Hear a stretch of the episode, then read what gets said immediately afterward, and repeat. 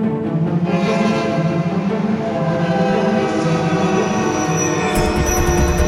Ekspresem przez historię. Przez historię. 6 maja 1925 roku doszło do strzelaniny w gimnazjum w Wilnie.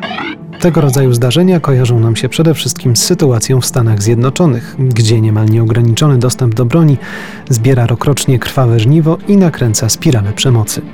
Aż trudno uwierzyć, że coś podobnego wydarzyło się w Wilnie w roku 1925, a jednak to prawda. Największa w historii naszego kraju strzelanina w szkole wydarzyła się 6 maja 1925 roku w Państwowym Gimnazjum imienia Joachima Lelewela w Wilnie.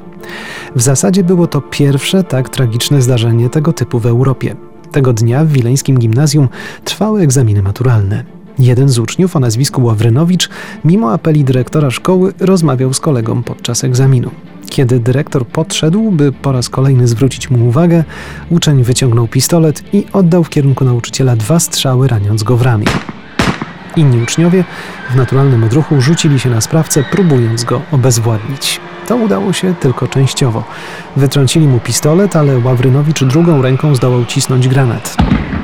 W wyniku wybuchu zginął on sam i dwóch próbujących go uspokoić uczniów. Kilku innych zostało rannych. Niestety nie był to koniec dramatu.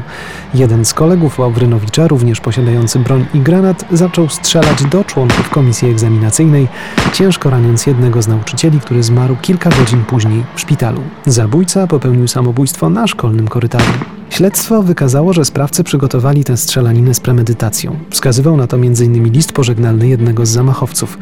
Wszystkich intrygowało jedno: jakie były przesłanki, by dopuścić się tak strasznego czynu? Prasa bulwarowa oczywiście fantazjowała, szukając coraz to bardziej nieprawdopodobnych przyczyn tragedii. Bardziej wyważeni obserwatorzy doszli do wniosku, że pośrednio winien był stary system nauczania, czyniący z matury element tresury młodego pokolenia, obciążonego stresem ponad miarę wytrzymałości psychicznej. Zwrócono także uwagę na fakt, że obaj zamachowcy ucierpieli podczas wojny polsko-bolszewickiej. Pierwszy okaleczony psychicznie doświadczeniami w okopach, drugi, który stracił całą najbliższą rodzinę. Ekspresem przez historię. Przez historię.